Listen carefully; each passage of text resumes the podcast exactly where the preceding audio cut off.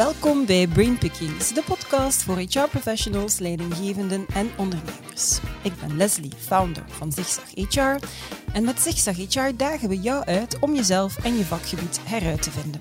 Abonneer je dus zeker op dit YouTube-kanaal of volg ons op jouw favoriete podcastkanaal.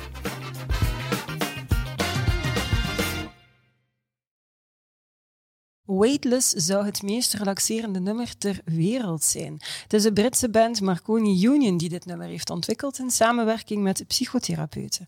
En al onderzoekend bepaalden ze de juiste toon, het gebruik van instrumenten, de duur van het nummer en het ritme dat nodig was om verandering in het stressniveau van de luisteraar teweeg te brengen. En effectief, ik heb het wel geprobeerd. Als je luistert, volg je ademhaling en je hartslag het ritme van de muziek. Het duurt in totaal vijf minuten, heeft de eerste, 60, uh, eerste periode 60 beats per minuut, wat het ritme van uw hartslag in rust is. En daarna daalt het verder naar 50. Het verlaagt de bloeddruk, het verlaagt het stressniveau, hartslag en ook angstgevoelens zouden er minder van worden. En er is zelfs een lange versie die 10 uur duurt voor mensen die problemen hebben met slapen. Het zou dus ook kunnen helpen om stress op het werk te verminderen, denk ik dan. En dat is nodig, want 1 op 4 medewerkers leidt aan ziekmakende stress, vaak met langdurige uitval tot gevolg. Stress wordt daarmee een steeds groter probleem. En omdat voorkomen natuurlijk altijd beter is dan genezen, heb ik Caroline Savoy en Griet Deka uitgenodigd op de kantoorboot. Hoe kunnen we stress voorkomen? Hoe zorgen we ervoor dat stresspreventie deel wordt van de bedrijfscultuur? En wat is de link met leren? Dat kom je dus het komende half uur te weten. Welkom. Goedemiddag. Dag dames. Hoi, hoi. Dag Leslie. Griet. Hey, hey. Alles goed met jullie? Zeer goed. Hoe zit het met jullie stressniveau eigenlijk? Hoe?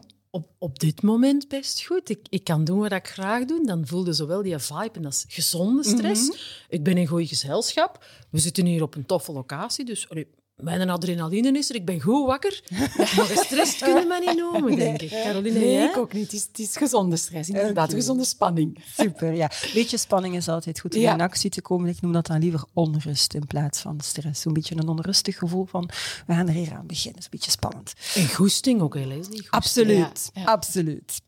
Eén op vier medewerkers leidt aan ziekmakende stress. Vaak met langdurige uitval tot gevolg. Die cijfers kennen we ondertussen allemaal.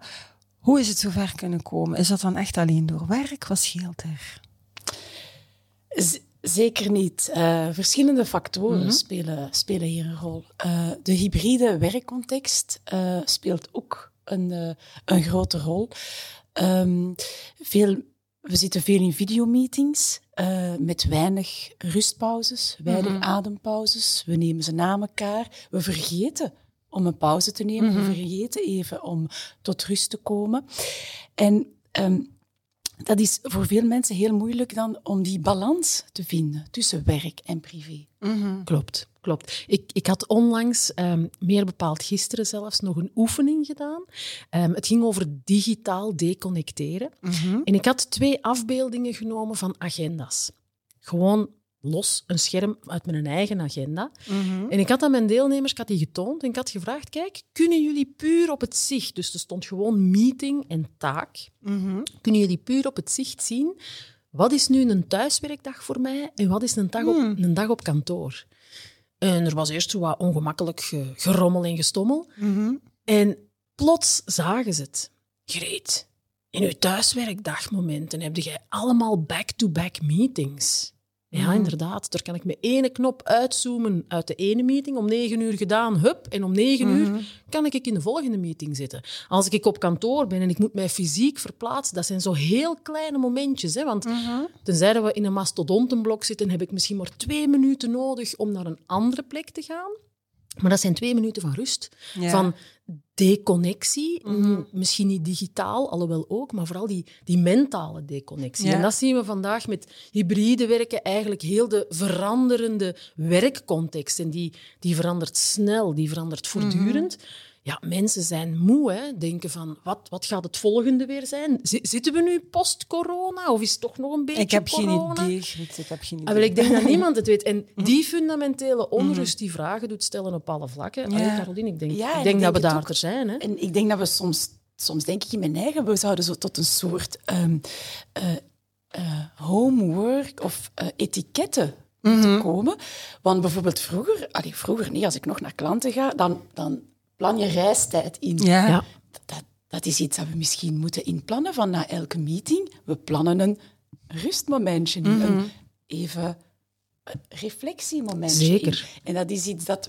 We, we vergeten dat. Ja. En misschien En doen we dat misschien wel? Volgens mij, de meeste meetings die ik krijg, of de vergaderverzoeken die ik krijg, zijn gemiddeld 45 minuten. En dan komt er inderdaad een schermpje, vijf resterende minuten. Dus ik begin af te ronden. Heel vaak gaat de gesprekspartner daar los over, Ja. totdat dat uur gevuld is. Dus dan denk ik van, ook al plannen we het in, een kwartiertje daartussen, we gaan er gewoon los over, want wij moeten ons in de feiten niet verplaatsen. Als ik een meeting heb met jullie en ik moet straks, stel dat dat gedaan is om vijf uur en ik weet dat ik om zes uur in Antwerpen moet zijn, maar ik ga niet blijven verder gaan, ik ga afronden, want ik moet Tuurlijk. vertrekken. Tuurlijk. Dus het, het is volgens mij, het, we, doen, we willen het doen, maar het feit dat we het eigenlijk gewoon kunnen anders doen, fout doen, Ja, ja. maakt Ja. dat we terug in die val trappen. Hè? Dat is toch absurd? Ja. Ik heb het gemerkt, want ik, zat, eh, ik, ik ging van de ene meeting eh, naar de andere en het was twee na negen. En we, wachten, we waren nog aan het wachten op een ander persoon. En de reactie van, eh, van de ene persoon was... Allee, het is niet dat je in de file moet staan. en toen dacht ik... Ja. Ja, maar inderdaad. Maar dat is net, denk ik, de, de downside Ja. misschien van de, de mogelijkheden die Ja. er vandaag Ja. op bestaan. Want de wereld is klein geworden. Allee, ik, ik had onlangs een, een aanvraag voor een interview vanuit Bangladesh. Wauw. Mijn god, allee, 20 jaar geleden, denk zelfs 15 jaar geleden, wist niemand in Bangladesh dat kan met, met welzijn of werkgeluk bezig was. Vandaag geven we zo'n interview omdat het kan en dat is fantastisch. Ja. Maar mijn brein moet dat ook allemaal gemanaged krijgen. Want het gesprek dat loopt een beetje uit. Ik begin misschien fysiek straks wel te lopen, maar mentaal ben ik al aan het lopen, want word ik Ja, al een ja. beetje zenuwachtig van oei, ik ga te laat komen. Mhm. Maar ja, er komt zoveel op ons af tegenwoordig, professioneel, maar zeker ook privé, want met alle crisissen die we al over ons hebben Mhm. gehad, er is een basis van onrust ontstaan Ja. in heel veel hoofden. Dus het is inderdaad een stukje een combinatie, hoor ik ook zeggen. Ook onze struggle als het over werk gaat. Maar het is dus duidelijk niet alleen werk, dat is, dat is een heel duidelijke boodschap van jullie. Maar op het werk is het gewoon een struggle van hoe gaan we hier nu eigenlijk mee om? We zijn het nog volop aan het leren. Dus ik denk dat we er ook wa- wat vertrouwen moeten in hebben, dat we er wel gaan komen, dat we elkaar wel gaan moeten helpen, dat we daar wel wat regeltjes of afspraken uiteindelijk gaan vinden. In ieder geval, ehm, gratis yoga en fruit op het werk, daar gaan we het niet mee trekken waarschijnlijk. Dat gaat die trend Nee. keren. Hè? Strategisch wellbeing-programma, dat gaat wel beter zijn. Medewerkers gaan zich daardoor betrokken voelen, gewaardeerd voelen, handvaten aangereikt krijgen en zo verder. Maar zo'n programma dat gaat natuurlijk niet alleen over gezondheid. Over wat gaat dat dan nog volgens jullie?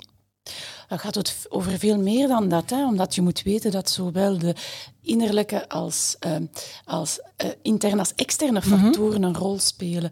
Eh, dus het is, het is niet enkel de werk-privé-sfeer, maar het is, het is een combinatie van eh, je omgeving, van voeding, beweging, rust.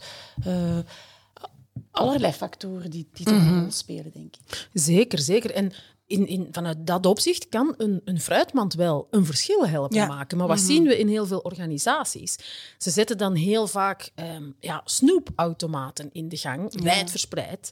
En die fruitmand die staat daar ook mooi te blinken, maar die blijft toch langer gevuld dan dat die snoepautomaten het trekken. Dus mensen mogelijkheden geven, ik denk dat dat een belangrijke is, ook in dat beleid. Hè. Ze, ze, ze een context helpen creëren waarin ze de juiste keuzes kunnen maken, maar ze dan ook helpen in het maken van die juiste keuzes. Ik denk dat er ook een verantwoordelijkheid zit. Ja. En daar krijg ik heel vaak ook van, van werkgevers, HR-professionals, management-teamleden de vraag van, ja, in, in hoever ga je daar dan in? Ja. Want je hebt als werkgever dan die verantwoordelijkheid, vind ik toch, hè, om mensen te helpen groeien, te helpen nadenken over ehm, aan de slag te gaan, ook rond hun gezondheid.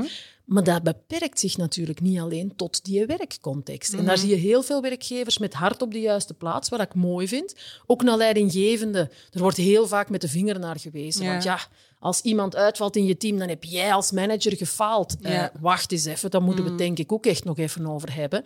Maar ja, hoe pak je dat dan aan? Tot waar ga je als iemand in jouw team bijvoorbeeld in een vechtscheiding zit? Daar heb je eigenlijk niks over te vertellen als, Nee. als professioneel contact.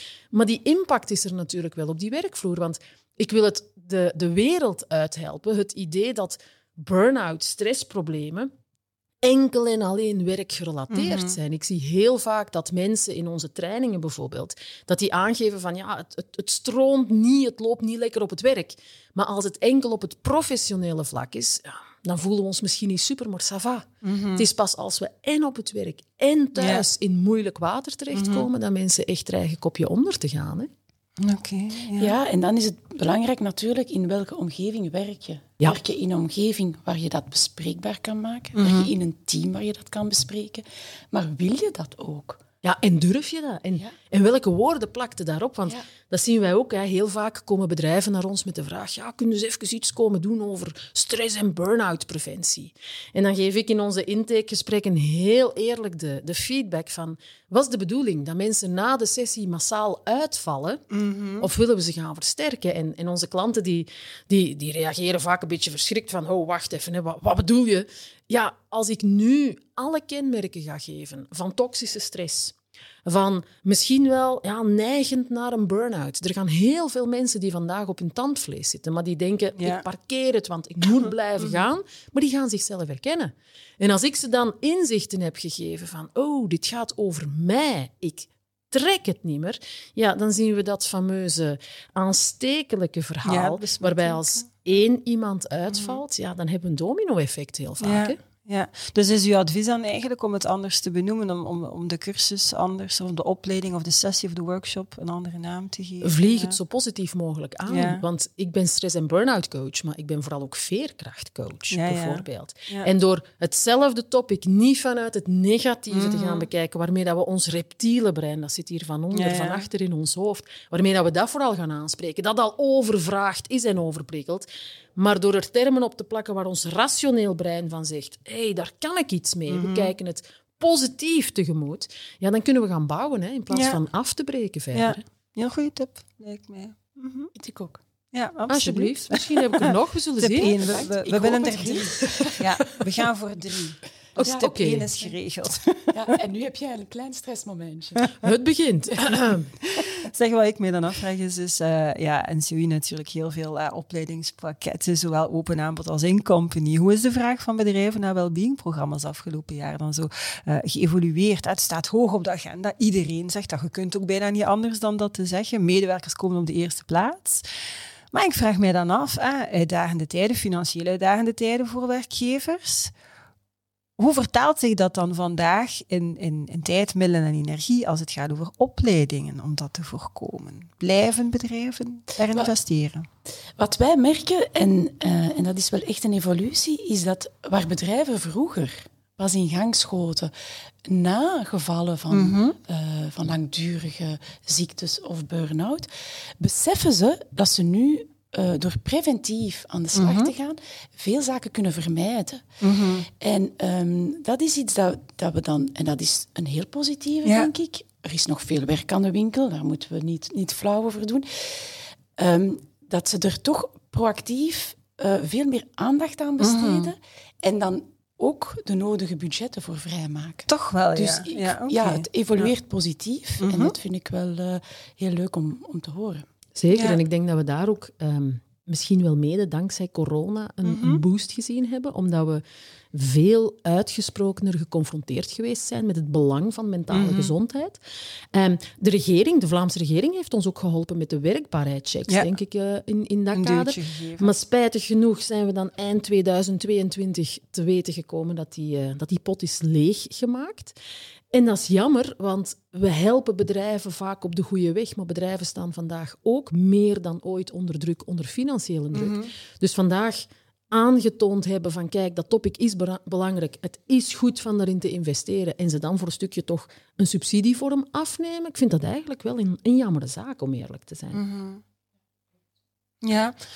ja, ik denk in financieel moeilijke tijden is dat zeker een, een, een ja, minder, minder makkelijk nieuws voor bedrijven. Kan mij langs een andere kant ook in de positie stellen van de subsidiegever dan. Ja, er is ook maar zoveel geld. En ik denk dat we ook allemaal weten dat er een, behoorlijk tekort is. Hè, tuurlijk, aan, tuurlijk. geld daar. Dus maat, ik vind inderdaad een heel dubbele... Tuurlijk. Ehm, ik denk dat we daar vooral ook bedrijven verder moeten meenemen in, uh, in het feit dat mensen ondersteunen op vlak van mentaal en, en, fysiek welzijn ook, dat is geen kost. Dat is een echte investering. Want als mhm. uw mensen in hun best mogelijke conditie zijn, dan kunnen ze dingen gaan doen waar dat we, als we een beetje ja, op ons standvlees beginnen zitten, gewoon ja, niet toekomen, verre van.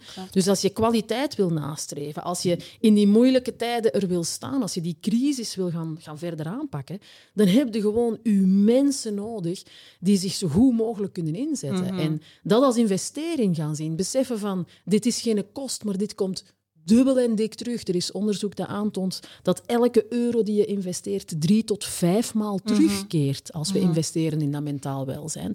Ja, dan maakt het het wel de moeite waard. En Caroline kan alleen maar bevestigen. Hè. Ik zie ook veel meer aanvragen komen in dat kader. Bedrijven die ook beseffen van we kunnen niet wachten totdat iedereen straks uitgevallen is. Want mm één iemand die uitvalt omwille van stress, ja, dat kan persoonsgerelateerd zijn. Het kan zijn dat die persoon te weinig draagkracht heeft. Maar we zien heel vaak dat dat toch wel een symptoom is van een team of een organisatie die lijdt onder stress. En als we dat laten gebeuren, dan weten we dat die eerste kanarievogel die eigenlijk een mhm. signaal gegeven heeft, meer dan waarschijnlijk ook niet de laatste zal zijn. En meer en meer mensen, medewerkers, organisaties, die beseffen dat ook wel. Ja. En daarom ook belangrijk om dat strategisch aan te pakken mhm. en niet enkel te, te, te fixeren op one-shots. Want dat is ook iets dat wij horen. Vroeger meer dan nu, maar het komt toch nog voor dat, er in, dat je in bedrijven hoort van ze bellen ons op. Goh, zeggen ze ja, we zitten hier met zoveel uh, gevallen van ja, risico burn-out en uh, mensen met veel stress. We gaan eens uh, een halfdagske hartcoherentie organiseren mm. en we laten heel het bedrijf daar doorgaan. En, en dan is het opgelost. En dan zullen ze wel content zijn. Hè? Dan weten ze wat ze moeten doen. En dat zullen we kunnen oplossen. Hè? En dan zes maanden later ja. is er een evaluatiemeeting. En dan, ja, ja, het is, ja, ik zeg, ja, maar het ligt niet enkel aan de opleiding, hè. het ligt aan het feit van dat het je moet zoiets zien, dat is, iets, mhm. dat is continu. Dat is eigenlijk een, ja, dat is gelijk als jij, als jij uh, ga, uh, aan beweging doet, dat doe je continu. Je gaat niet mhm. één keer per jaar uh, vijf kilometer met je fiets rijden. Mhm. Het is een, een, een onderhoud. Ja. Klopt. En dat is heel belangrijk. En die begeleiding die moet er continu zijn. Anders ga je telkens opnieuw moeten herbeginnen zonder het gewenste effect. En, en dan ga je er heel veel geld in investeren zonder eigenlijk er genoeg uit te halen. Ja. en vaak zelfs heel veel geld investeren in dingen die niet wezenlijk bijdragen mhm. tot. Hè. Waarbij dat je merkt dat dat strategische aspect is zo'n belangrijke, maar dat is een hele moeilijke om dat geïmplementeerd te krijgen als dat niet in de cultuur of in het DNA van een organisatie zit. Mhm. Want dat is dan eigenlijk wat we benoemen als aangeleerd gedrag. En we kunnen als mensen heel veel leren. Maar als ik het niet voel, als ik er niet echt van doordrongen ben, als ik eigenlijk geen hart voor mensen heb op een strategische plek binnen een mm. organisatie, dan wordt dat een heel lastige om te zeggen: ik zorg ervoor dat mijn mensen het goed kunnen hebben, because I care. En als mm-hmm. dat er niet is, dan kunnen wij nog altijd binnenkomen met opleidingen. We kunnen helpen een klein verschil maken, maar het wezenlijke verschil heeft meer nodig dan één losstaande interventie. Ja.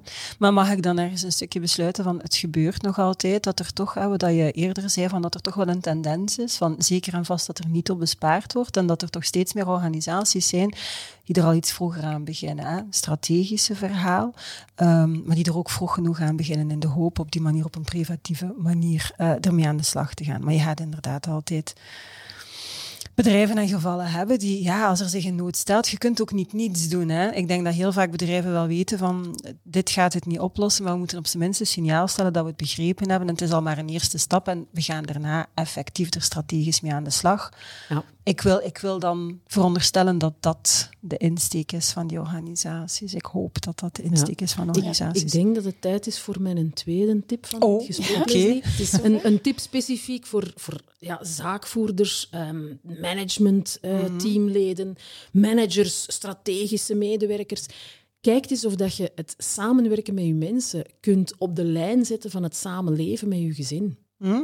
Voor je kinderen gaan de zorgen. Je gaat niet wachten totdat ze ziek vallen en dan zeggen, oh kind, nu moeten we zien wat we moeten doen om u hier te Mhm. helpen. Je gaat er alles aan doen om ervoor te zorgen dat ze niet ziek vallen, dat ze Mhm. gezond zijn en gezond blijven. Als je vanuit dat perspectief naar je Ja. medewerkers kunt kijken, dan gaan we een andere aanpak gaan vinden. hè. Mooie, mooie, goede Nog tweede één tip. tip, ik voel het, Caroline, het gaat goed komen. Is het klaar? Het was de moeite om u te laten komen. Dank u. Mag ik dan nu vertrekken? Nee, blijf. Hoe, hoe krijgt zo'n wellbeing-programma concreet vorm op de werkvloer? Jullie werken daarvoor samen. Hè? Ja. Wat zit erin vervat? Wat zijn kritische succesvoorwaarden dat dat zeker gaat lukken, dat dat goed komt? Ja, dus na, na een grondige analyse van de vraag, eh, de werkcontext en dan rekening houdende met eh, bedrijfsstrategie en de gangbare leercultuur, ook een hele belangrijke, maken wij eigenlijk ehm, een op maat programma. Wij doen dat samen, wij bouwen iets op en dat kan heel gevarieerd zijn. Dus dat kan gaan van eh, awareness-sessies, boost-sessies, workshops, gaande van ehm, hoe werkt het brein, herkennen van stress, hartcoherentie, mindfulness, etc.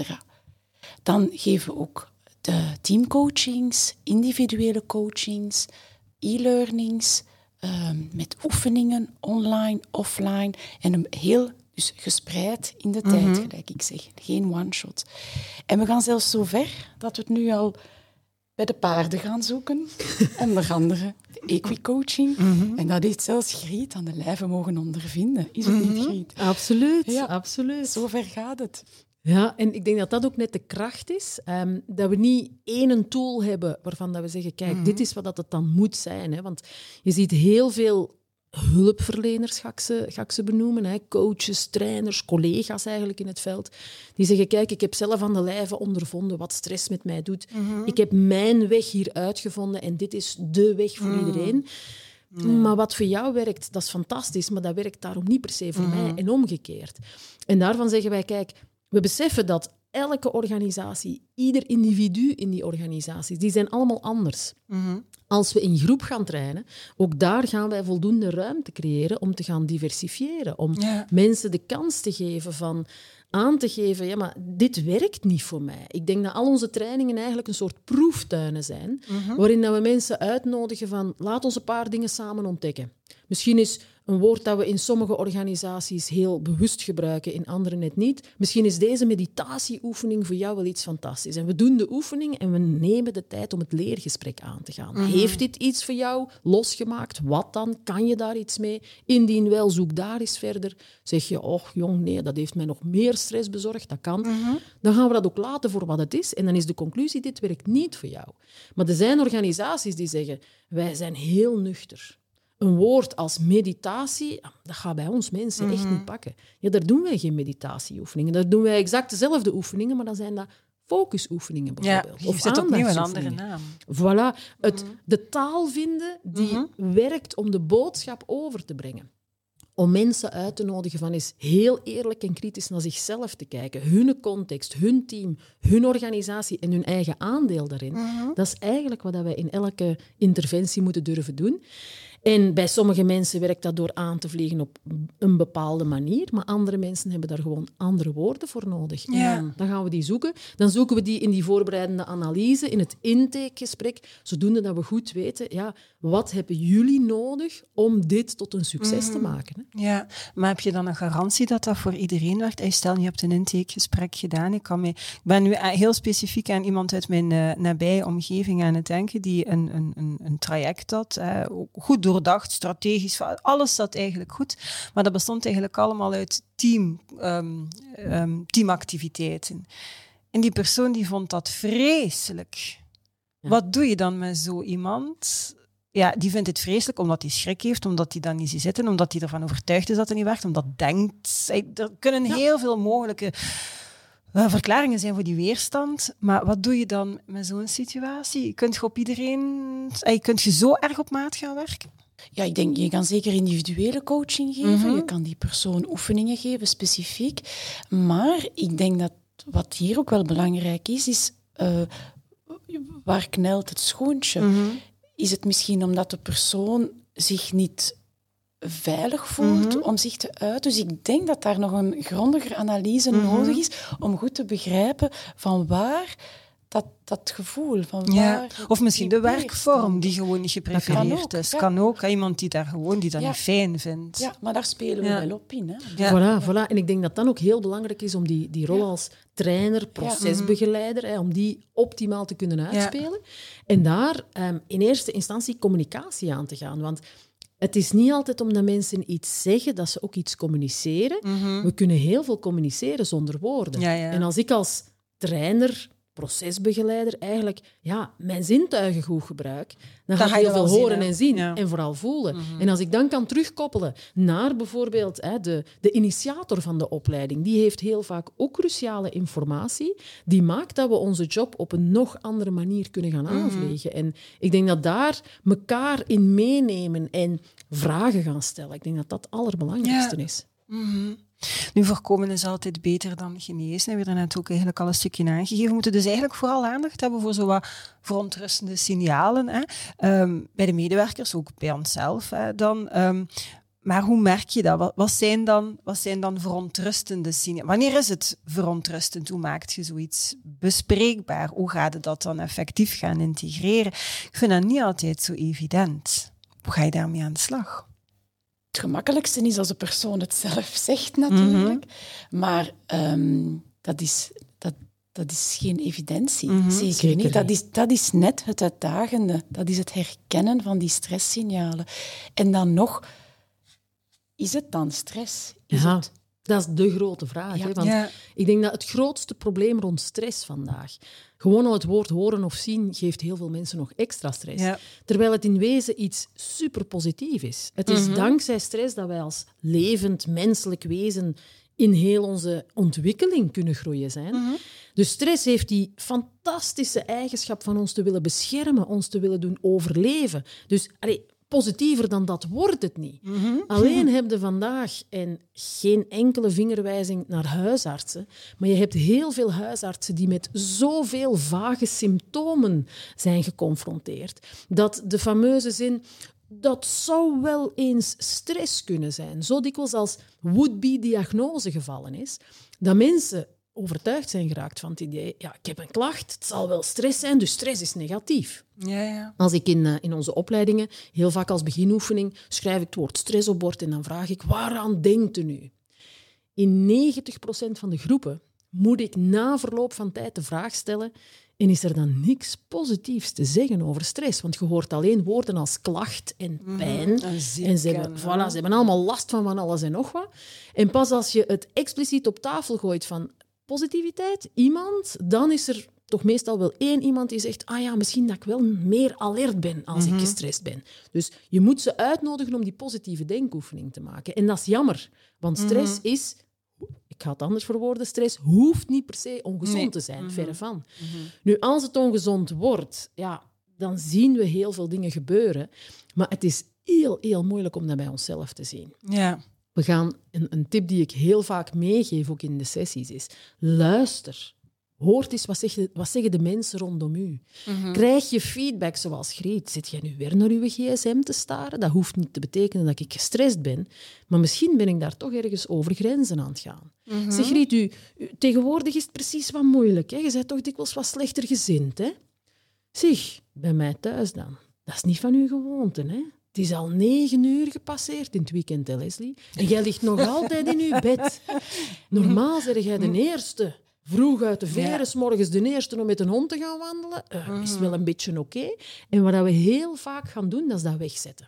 Ja, Ja. maar ja, we hebben altijd wel ergens een, Een excuus? Ja. Maar als we het horen, als we feedback beginnen krijgen van de mensen rondom ons, professioneel en privé, Mhm.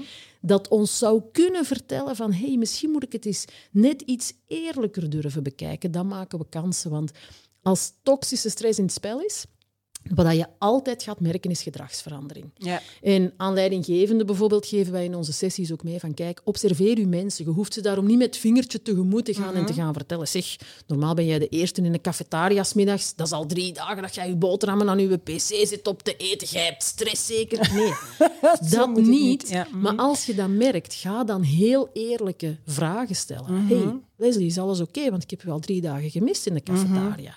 En door die vragen neer te leggen, kan je zaadjes planten. Het is niet gegarandeerd, maar je kan mensen helpen inzien van hey, misschien is het niet oké met mij. Want tegen dat ik dat zelf inzie, dan zien we vaak al dat het te laat of echt wel laat is. Hè. Ja. Ja. En ook luisteren naar je mensen, want ze gaan misschien niet zeggen: ik heb stress of eh, ik, ik, eh, ik, heb verontrustende signalen of ik voel mij niet oké. Maar door ze misschien zo comfortabel mogelijk laten voelen en voelen dat het kan, dat je Ja. erover kan spreken. Want dat is vaak dat is de rem, Ja. dat je denkt van oei, oei, oei, ze gaan denken dat ik het niet aan kan. Of Ja. eh, ze, gaan, ze, zoeken, ze maken het misschien groter dan het is. En, en dat is niet altijd nodig. Nee. En ik denk dat dat luisteren makkelijker wordt als je zelf ook Ja. als leidinggevende, maar evengoed als gewoon collega op hetzelfde Ja. niveau, hè, als je zelf ook durft aangeven van god man, nu heb ik toch iets voor, en je eigen kwetsbaarheid durft tonen. Want als ik alleen maar de sterke Jan uithang ten opzichte van mijn collega's, dan gaan die veel minder geneigd zijn om te zeggen, goh, Griet, zeg, ik zie het hier eigenlijk niet meer zitten. Dus door zelf eerlijk te durven Ja. zeggen, ik ben geen superwoman, ik heb een lastige dag. En daar hoef jij niks voor te betekenen, maar dan weet je het. Dan, allee, dan, dan, dan ligt het hier, dan is eigenlijk de olifant uit de kamer. En misschien dat je dan net iets meer rekening kan houden met de ander dan wanneer dat je het niet zou weten. En dat is ook vaak al een, een heel groot verschil. Hè? Ja. Maar dat toont dus inderdaad opnieuw, en ik denk dat we dat allemaal wel weten, die zo belangrijke rol van die leidinggevende. Je hebt daar net ook al een stukje naar verwezen, Griet, van het is wel altijd de schuld van de leidinggevende. We moeten daar inderdaad echt dringend vanaf. Ik vind dat ook, want ze krijgen ook niet altijd de tools mee. Ze Klopt. krijgen ook vaak gewoon de tijd niet, hè, omdat ze operationeel gewoon ook onder zo'n druk staan. Ehm, wat ik me dan afvraag, en ik verwijs eigenlijk naar een, een artikel dat Cedric Velge vrij recent voor, voor Zeg Zeg HR heeft geschreven, van als we het hebben over ve- mentaal welzijn, weten we al allemaal, de rol van de leidinggevende is belangrijk. Maar wat een vrij nieuw inzicht was eh, voor mij, is dat het ook het mentaal welzijn van die leidinggevende is, die mee bepalend is. Je kunt aan een leidinggevende die zelf mentaal al niet meer helemaal oké is, niet vragen dat hij een luisterend oor biedt en dat hij die signalen op de juiste manier en de juiste communicatie giet. Voor mij was dat op. Ik vind, het is duidelijk ook trending momenteel, het artikel. Dus voor veel mensen is het een revelatie. Zit dat dan bijvoorbeeld ook vervat in jullie opleidingsprogramma's? Maar het mentale welzijn, ik heb het dan niet over aan wat de leidinggevende ook allemaal moet doen, maar het mentaal welzijn van de leidinggevende. Klopt. Ja. Dat zit echt in die Oké. opleiding die Greet... Ja. eh, Ja. En wat zit er dan, wat moet Ja. ik me daarbij voorstellen? Ah, wel, ehm, wij gaan zelfs zo ver van te zeggen, kijk, als uw leidinggevende niet zelf eerst als mens op de voorgrond mag treden en de ondersteuning mag krijgen die hij of zij wel dient te bieden aan het team, ja, dan beginnen we er niet aan. Want stel als leidinggevende, als mens achter die leidinggevende, ben ik geconfronteerd met moeilijkheden. Ik had het zelf voor. Vorig jaar, heel lastig jaar op privévlak voor mij. Ik geef leiding aan een team van mensen. Het eerste dat ik tegen mijn mensen gezegd heb is: mannen, het gaat even niet. Mhm. En bij ons is dat heel erg don, want ja, we zitten in de sector, hè, het juiste topic. We walk our talk en we talk our walk, maar dat is een ander verhaal. dus bij ons is dat niet meer dan normaal, dat je aangeeft hoe dat je je voelt, dat je, als je er een idee van hebt, aangeeft wat dat je nodig hebt. Maar in heel veel organisaties, die leidinggevende mag dat vooral niet gaan doen. Uit de zeer foute veronderstelling. Als de kapitein op mijn schip straks in moeilijkheden blijkt te zitten, ja, dan gaat mijn bemanning niet meer weten waar dat ze naartoe moeten. En dat klopt voor geen meter. Wat zien we als leidinggevende als we die mensen in hun kracht kunnen helpen zetten? Dan, en, en, en ik ga tegen ons commercieel verhaal praten, Caroline, mijn excuses. Maar dan moeten we eigenlijk veel minder werk gaan verrichten naar die medewerkers uit dat team. Want die leidinggevende in zijn of haar kracht straalt dat uit. En op het moment dat we ehm, bijvoorbeeld een leidinggevende moeten gaan vertellen: kijk, deze boodschap moet jij gaan brengen aan je team, los van het welzijn. Als die persoon daar niet kan achterstaan, dan gaat die boodschap niet passeren. Een leidinggevende die eigenlijk klaar staat om in te storten, gaan vertellen: maak het bespreekbaar binnen je team. Ja. Dat is gewoon niet realistisch. En we hebben dat al een aantal keer ook gezien. Er wordt heel vaak aan voorbij gegaan. Daar gaan wij ook heel expliciet het gesprek over aan. Want onze leidinggevenden, ik zeg niet dat zij de belangrijkste mensen binnen de organisatie zijn. We zijn allemaal belangrijk. We maken die organisatie samen, maar die hebben wel een fameuze multiplying factor. Als je ene leidinggevende goed ondersteunt, dan ben je eigenlijk gans dat team aan het ondersteunen. En wat gaan we dan heel concreet doen? Wel, onze eerste stappen binnen de opleiding stress en burn-out herkennen. Wat is jouw rol als leidinggevende bijvoorbeeld? Dat zijn simpelweg stresssymptomen herkennen. Niet in je team, maar bij, jezelf. Dat is simpelweg je eigen interne stressdialoog durven aangaan. Hoe gaat het met jou vandaag? Een oefening die we daar doen. We zetten ze per twee. Mhm. En we gaan ze een minuut aan een stuk in mekaars ogen laten kijken. Oeh, ja. Moeilijke oefening digitaal, want dan Lijkt- kun je niet ja, ja, in mekaars ja. ogen kijken. Oh, maar dat lijkt mij Heb je daar net goed. Ja. Ja, voilà. Maar op het moment dat je dat doet, ze spreken niet. Een minuut in volledige stilte, ze spreken niet. Maar eigenlijk moeten we het er daarna ook niet meer over hebben. Want dat is een oefening, een oefening van niks, hè, dames. Alleen Mhm. een minuut, dat is hup en dat is voorbij. Maar in stilte lijkt die uren te duren. Ja, ja. Het gebeurt meer dan eens dat we na die oefening even een pauze moeten nemen, omdat mensen tranen in hun ogen krijgen Mhm. en eigenlijk alles beseffen wat dat ze al weken, maanden, sommige Weten. jaren zitten op te kloppen. Ja, oef. Ja. Ja. En pas als we klaar zijn, als we op het punt zijn gekomen dat we voor onszelf beseffen waar staan we nu. En we gebruiken daar eigenlijk heel vaak een soort ladder voor. Hè? Als je jezelf één, dat is heel eh, gestrest. Hè? En tien, dat is ontzettend zen. Als je jezelf een score zou moeten geven, waar zitten we dan? Als we voor onszelf eruit zijn, kijk, daar sta ik als mens. We hebben het nog niet gehad over onze leidinggevende rol. Wat heb ik nodig om een stapje verder richting dat ontspannen gevoel te geraken? Als we dat in kaart hebben, hey, dan kunnen we heel mooi die brug gaan leggen. Zou dat ook jouw team kunnen helpen? Ja, maar in mijn team zit een heel ander profiel. Up, en we zijn vertrokken voor een dialoog richting het team. Maar we hebben de mens achter de leidinggevende Ja. eerst ook de nodige aandacht gegeven. Mhm. Oké, dat is eigenlijk inderdaad een concrete en gratis tip. Ah, Het zit uiteraard vervat in een pakket, maar een oefening die Dus dat is ongelooflijk veel... tip, ja, of? Ik mag er geen meer geven. Nee, Griet mag naar huis. Je mocht er, toch, mocht er toch nog een vierde geven straks Dank om u. af te sluiten. voilà. Nee, maar effectief. ehm, zi- zijn er zo nog zaken dat je kan meegeven? Ik vind het eigenlijk wel superboeiend. Zeg eens, nog? nog? Ik denk, ja, het, het allerbelangrijkste is echt die communicatie van mens tot mens. We hadden een heel mooi, als ik, als ik dat mag aanhalen, een heel mooi voorbeeld in de financiële sector. Een bedrijf ehm, dat net zoals alle organisaties op het punt gekomen was, we spreken ergens 2021 als ik me niet vergis, de terugkeer naar kantoor. Ah ja, klopt. Ja. En ze waren op het punt dat ze een policy hadden gemaakt. Heel goed, want hè, als het op papier staat, dan, dan hebben we een visietekst. Dan weten de leidinggevende, want we ondersteunden de leidinggevende ook, waaraan en waaraf. Voilà, het was helder voor iedereen. En dan kom je op dat punt dat de policy voorschreef dat vanaf een bepaalde datum mensen verplicht twee dagen per week moesten terugkeren naar kantoor. Leslie, ik ga je de details besparen. We hebben daar, als ik ruwweg tel, denk ik ongeveer een, een veertigtal leidinggevenden ondersteund. Die leidinggevenden die lagen daar massaal platgeslagen, want het was een revolutie op hun werkvloer.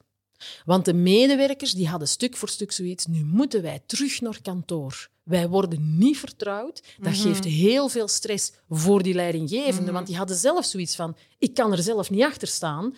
Maar ja, ik moet de boodschap wel brengen. Dus Ja. dat is hetgeen ik daar straks ook schetste.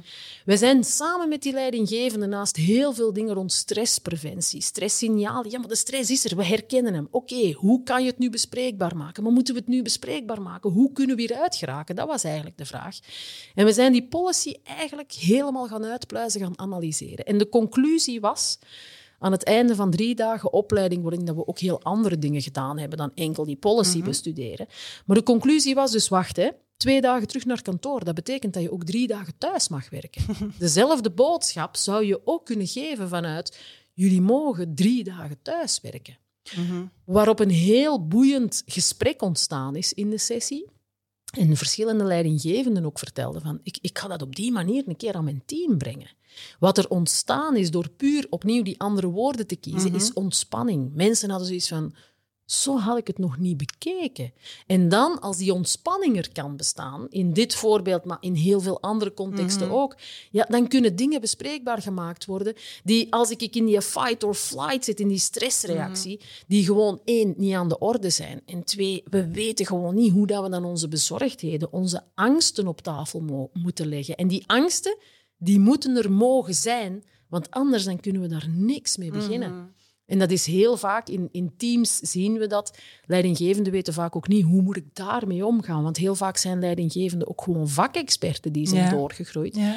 Maar boven dat wateroppervlak steken daar dan symptomen uit waarvan dat ze merken, oh, er zit weerstand. Het is moeilijk, ze zijn malcontent. En dan moet ik daar iets mee gaan doen. Maar boven dat wateroppervlak kan jij niks doen. Het is de kunst om te gaan bevragen en, en die, die psychologische veiligheid te creëren, om onder dat watervlak die, die bezorgdheden, die echte angsten naar boven te krijgen. En als je die in kaart hebt, puur al door de ruimte te creëren van ze op tafel te leggen. Ik, ik moet ze niet meer gaan oplossen dan, hè, want dan zeggen leidinggevende mensen mij vaak, ja, maar als ik dat dan bespreekbaar maak, dan creëer ik toch de verwachting dat ik dan alles ga doen wat dat ze dan zeggen nodig te hebben. Excuse me? Nee. Ik ga heel eerlijk kaderen. Ik wil het gehoord hebben. Wa- waar loop je tegenaan? Zeg het mij. Ik ga er waarschijnlijk niks mee kunnen doen. Maar als ik het niet weet, dan kan ik er zeker niks mee doen. En als dat inzicht kan meegenomen worden, dan gaan we heel andere gesprekken voeren. En ik denk dat het daar at the end of the day om gaat. Want man, het is geen rocket science. Nee, Hè? helemaal niet. Zo simpel is het. Hè? En heel Zo vaak simpel zeggen, zou het kunnen Ja. zijn. ja, ja, voilà. En, en heel vaak zeggen mensen mij ook van... "En- Ingrid, en, en wanneer komt nu het echte werk? Want allee, dit is wel heel basic. Ja, maar dat is Dat het is het, net. Het is heel basic. Aha. Oké, nog een ultieme boodschap misschien om de podcast mee af te sluiten. Wat is nu iets wat mensen zeggen? Ik ben niet op zoek naar nog extra tips, dus niet. Maar wat is zo... Ze zijn altijd welkom, uiteraard. Maar wat is zo de ultieme boodschap? Als mensen nu maar één zin zouden onthouden uit de podcast, wat moet het dan zijn? Voor mij is het ehm, dat het belangrijker is dan ooit om voor elkaar te zorgen. Mhm. Oké, dankjewel. Ja. De mijne zit volledig in dezelfde lijn. Ehm, ik ga hem in het Engels verwoorden. All you have to do is care. Om jezelf geven, om de ander geven. Als je vanuit die intentie vertrekt, eigenlijk verandert heel uw kijk op de wereld Ja. dan. Uw resultaten gaan er zijn, hè? want het is niet door uw focus op mensen te leggen dat je minder performant wordt, maar het wordt gewoon een veel leukere weg er naartoe. En Ja. dat wens ik iedereen toe. Mooi, mooie woorden om de podcast mee af te sluiten. Heel boeiend gesprek met heel veel humor, wat ik eigenlijk ook heel erg hard apprecieer. Merci daarvoor. Met veel plezier. Dank je, Griet. Dank u. Dankjewel ook aan jullie om te kijken of om te luisteren. Vond je deze podcast even fantastisch als mezelf? Ga dan zeker eens gaan kijken op ons podcastkanaal of op ons YouTube-kanaal. Daar vind je nog belachelijk veel episodes die je zelfs kan binge-watchen als je dat wil, als je er maar geen stress van krijgt natuurlijk. Allerbelangrijkste waar ik elke podcast mee afsluit, it's a great time to be in HR. Tot de volgende.